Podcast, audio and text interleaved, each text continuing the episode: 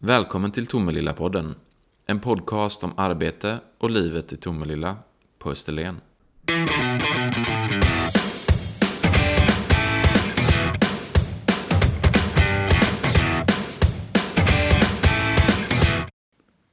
Välkommen till eh, Tomelilla-podden som handlar om livet och arbete här i Tomelilla på Österlen.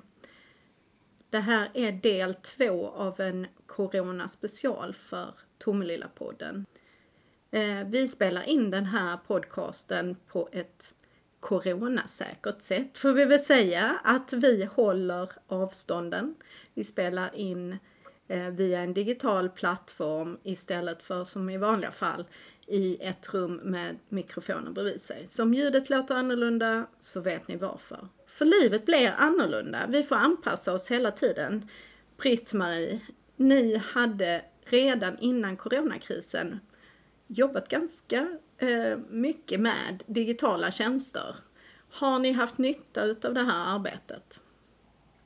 Ja, absolut, eh, definitivt. Eh, jag tänker att jag backar bandet lite grann till för drygt två år sedan när vi inte hade jobbat jättemycket med digital utveckling och den här fantastiska kommunen och dess medarbetare som har mött upp i det här arbetet på ett så suveränt sätt. Jag tror aldrig jag har varit med om någon förändringsprocess som har varit så lätt att hantera som i, i, i vår kommun. Eh, så, så visst har det varit skönt att ha den basen att stå på. Sen kan man nog säga att vi har jobbat med utveckling inom det digitala området snabbare nu därför att vi tvingades Eh, under bara de här månaderna och det tror jag är generellt för hela samhället. Den, var, alltså den transformationen hade inte gått så fort för samhället i stort om vi inte hade hamnat i en sån situation. Jag tycker att skolan är ett ganska bra exempel på det där vi ser att utbildning nu pågår på digitala arenor på ett helt annat sätt än, än eh, vad det gjorde tidigare och snabbare, än, än, i snabbare utveckling än tidigare.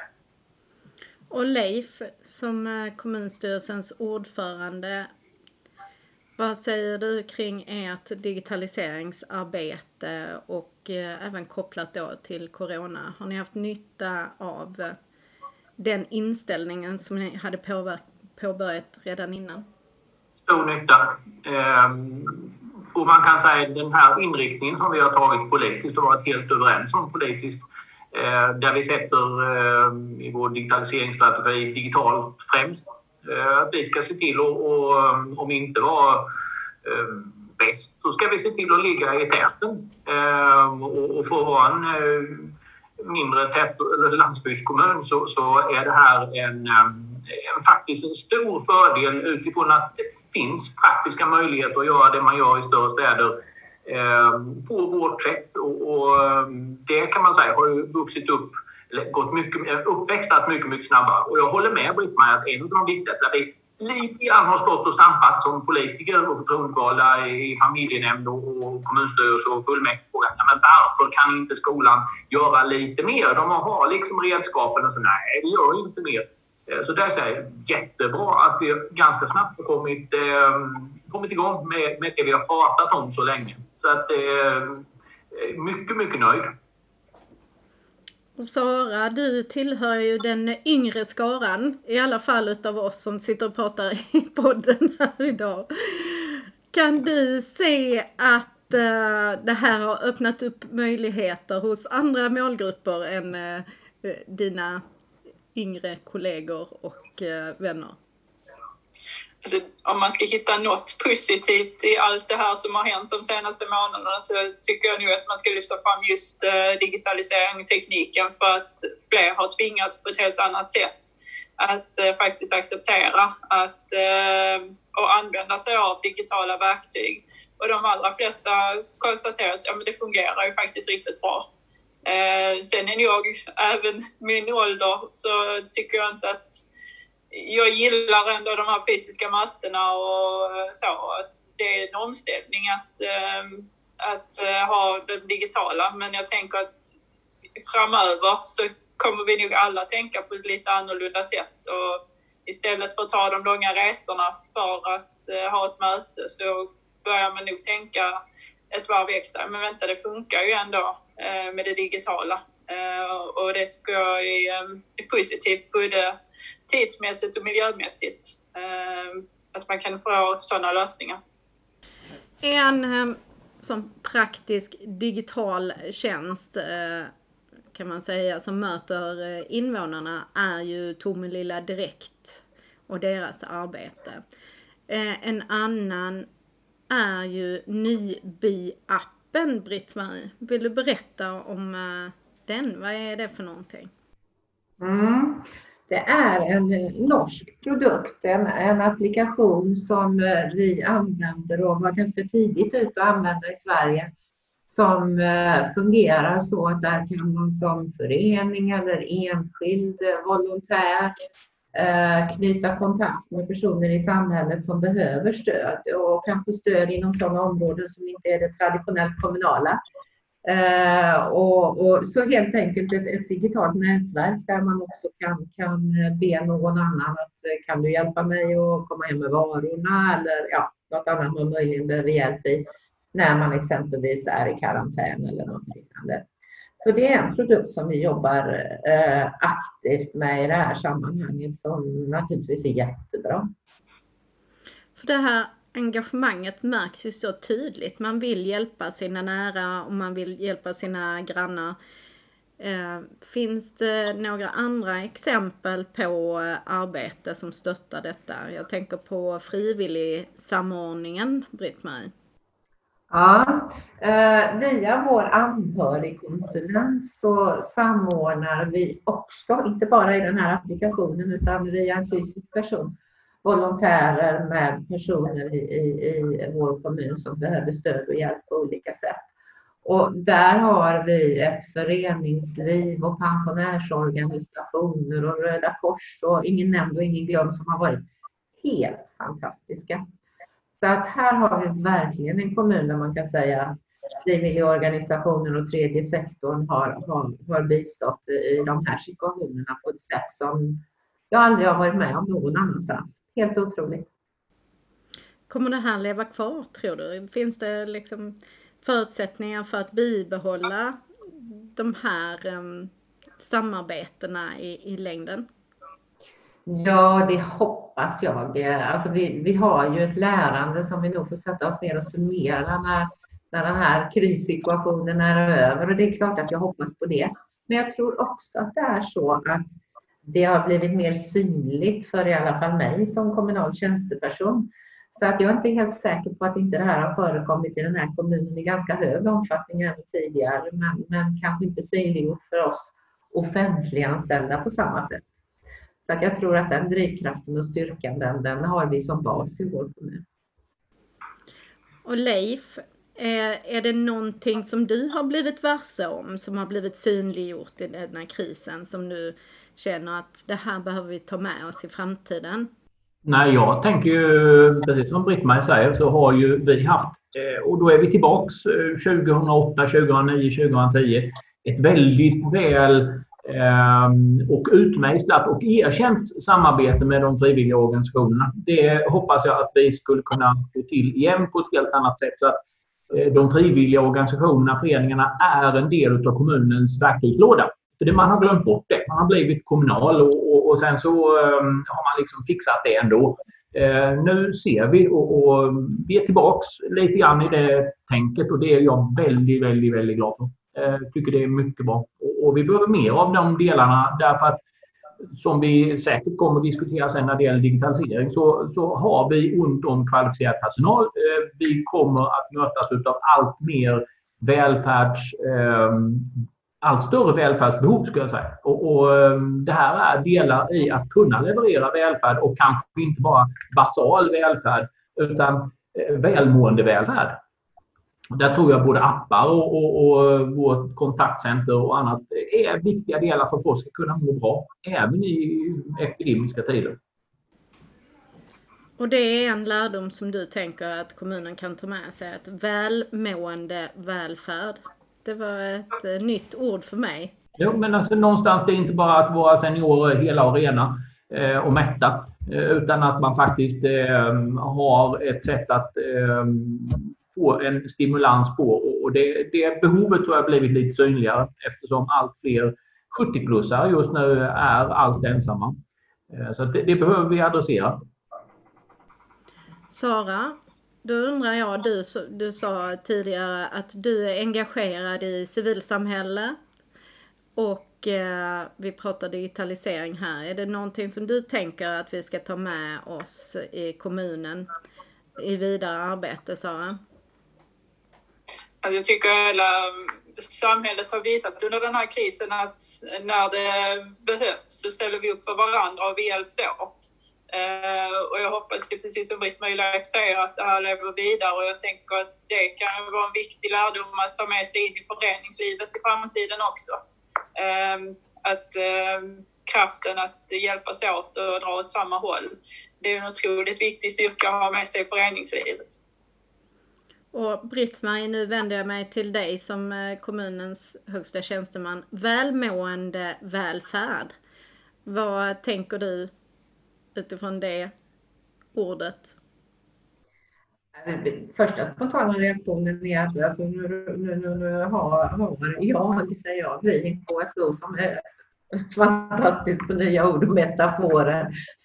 och det får vi nog använda oss av i, i framtiden också. Det här med, med välmående är ju ytterst vad det handlar om. Och, och samhällsutvecklingen har kommit att bli lite grann sådan att vi, vi eh, har resurser och möjligheter att räcka till för det mest basala. Men det är så mycket mer som vi människor behöver för att må bra. Och i de här sammanhangen när vi utvecklas digitalt så tycker jag också att man kan väva in kulturella delar. Därför att vi människor vi behöver också vardagskultur för att, att må väl och fungera. Och, och där är vi riktigt, riktigt duktiga redan idag, men det är inget bra som inte kan bli bättre. Vi har ju ett fantastiskt kulturhus och bibliotek som jobbar mycket med det digitala utanförskapet och, och sluter till sig grupper och lär ut och vi skapar ett, ett kontinuerligt lärande bland våra invånare i de sammanhangen. hade vi redan före corona och det var också en god bas att kunna stå på. Så, så bra, men inget bra som inte kan bli bättre och välmående är definitivt ett viktigt fokus. Om man då är 70 plus, isolerad hemma eller man har närstående som, som är äldre och isolerad hemma. Man känner att man är inte riktigt digital och, eller man är orolig och känner sig ensam. Vad är ditt råd till dem, Britt-Marie? Vart kan man vända sig i kommunen?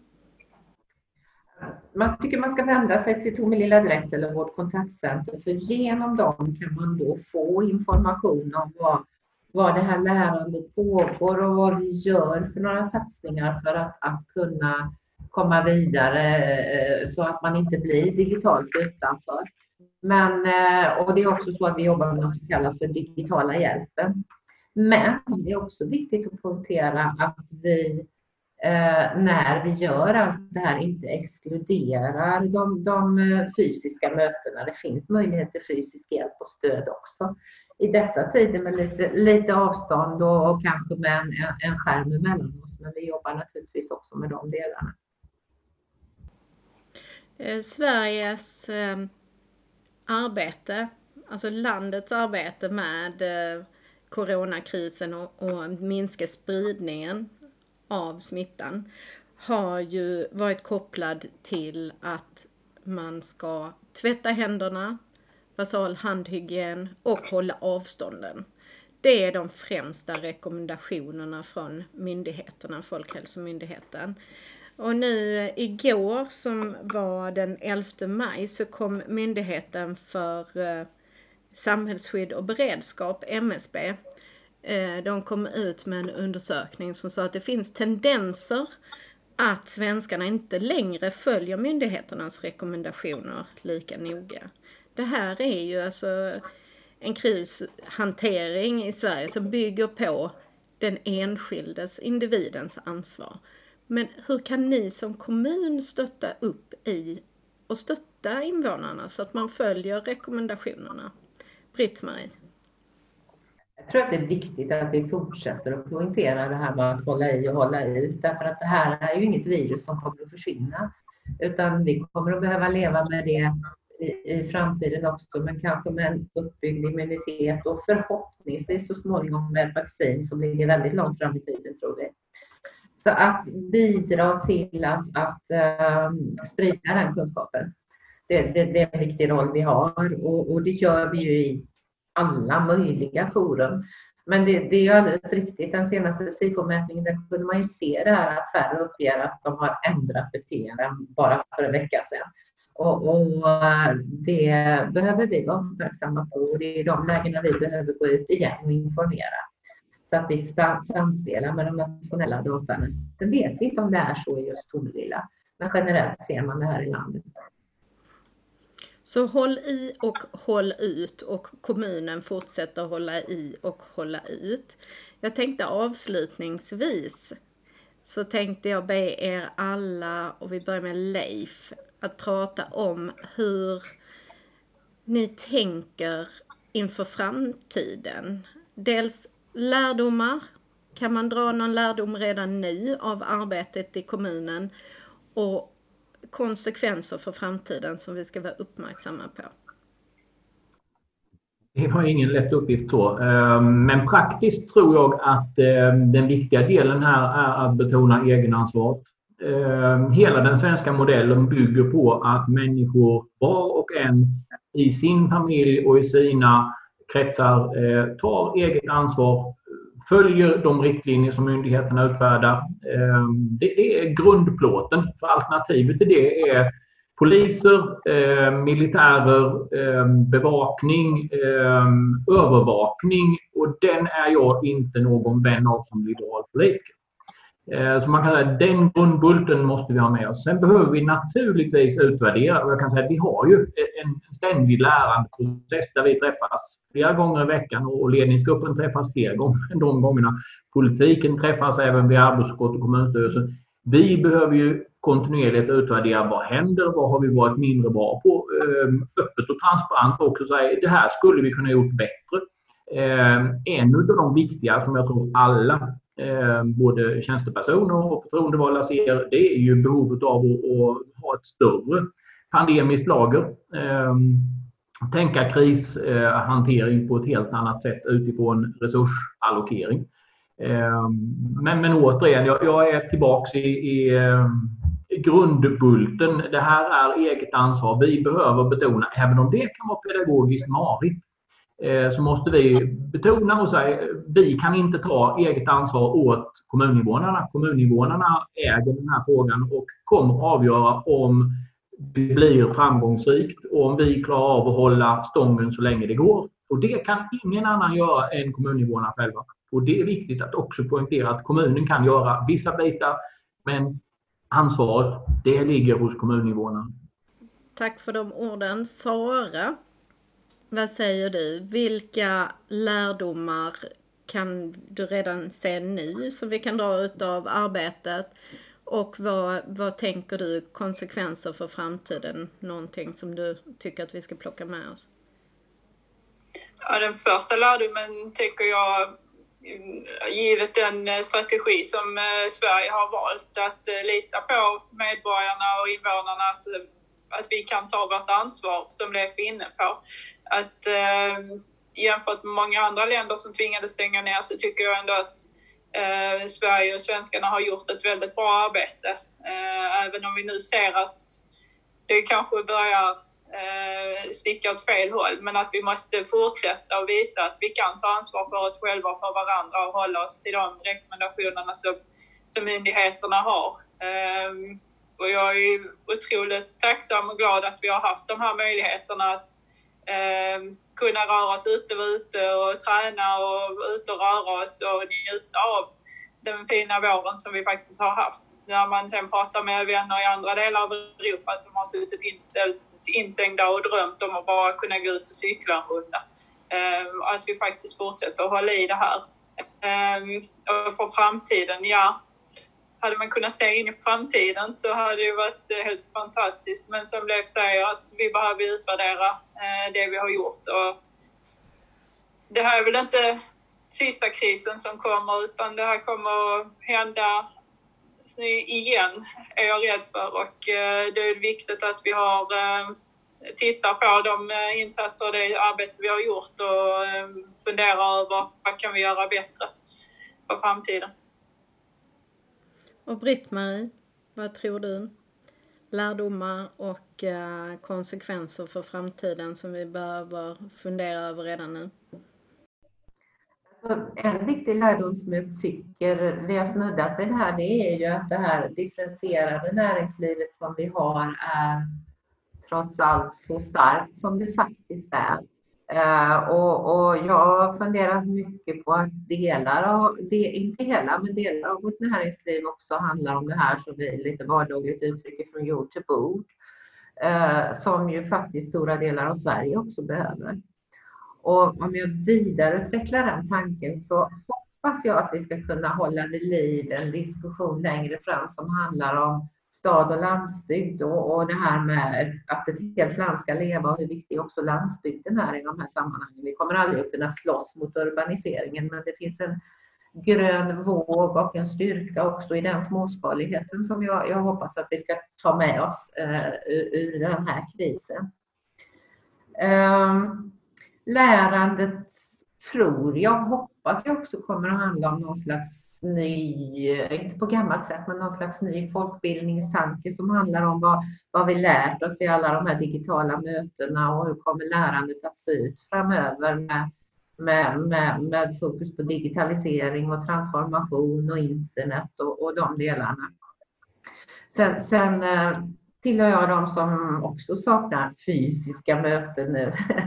Eh, därför att de är, är, är, viktiga för oss människor. Men, men, men eh, när vi i de här sammanhangen pratar om social distansering som, som ett jätteproblem så är jag inte så säker på att det är rätt terminologi. Det kanske är fysisk distansering vi ska använda oss av. Och, och när vi pratar om det i framtiden eh, lägga det här med fysiska möten och digitala möten i varsin vågskål och fundera på hur de ska hitta en god balans till varandra. Eh, ja, spontant lite så. Så det har varit jätteintressant att höra er. Tack Britt-Marie Börjesson, tack Leif Sandberg och tack Sara Arnheden för eh, ert deltagande i Tomelilla-podden. Du har nu lyssnat till Tomelilla-podden, en podcast om arbete och livet i Tomelilla på Österlen.